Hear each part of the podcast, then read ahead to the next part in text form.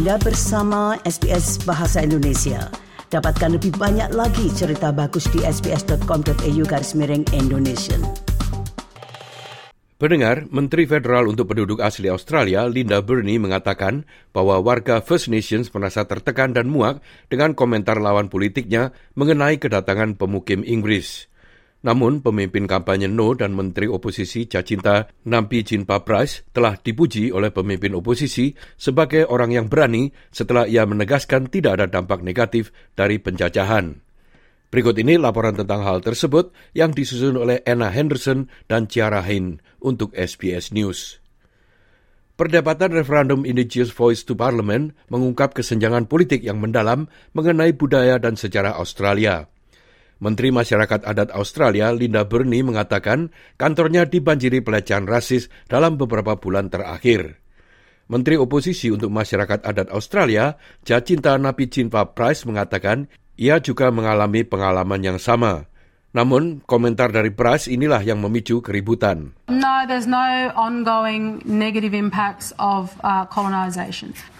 A positive impact, absolutely. I mean, now we've got running water, we've got readily available food. Senator Price menolak gagasan bahwa penjajahan telah menyebabkan trauma selama beberapa generasi dan ia menyatakan bahwa keluarga narapidana menghadapi perjuangan yang serupa. Menteri Bernie mengatakan ia marah dengan komentar senator itu. I know there are many people, and I've spoken to them last night this morning, that are very distressed um, and quite frankly pretty disgusted. Menanggapi komentar Price, Central Land Council yang dipilih oleh masyarakat adat di Alice Springs mengunggah video tentang pembantaian Coniston. Ini adalah pembantaian terakhir yang tercatat di Australia yang terjadi pada tahun 1928 yang mengakibatkan kematian lebih dari 60 pria, wanita, dan anak-anak aborigin.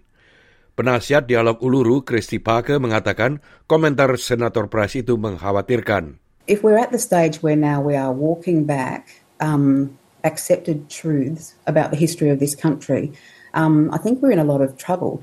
Namun, aktivis terkemuka yang mendukung suara tidak, Warren Mundin, mendukung komentar Senator Price itu. Ia memberikan contoh warga Yahudi yang mengalami pembantaian pada Perang Dunia Kedua kini mampu membangun Israel. I find this interesting in regard to colonization trauma.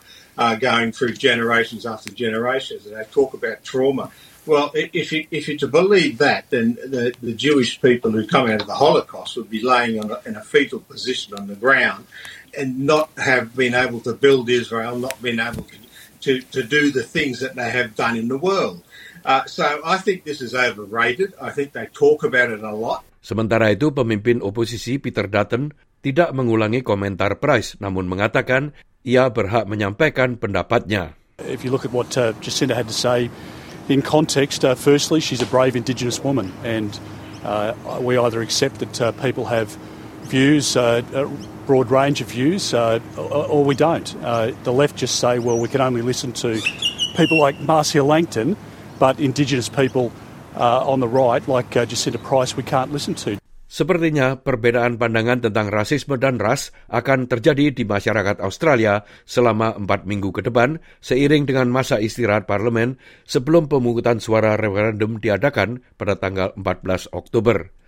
Kedua kelompok kampanye menyerukan agar hal ini dilakukan dengan hormat, namun ada juga yang mengkhawatirkan bahwa negara ini akan semakin jauh dari rekonsiliasi.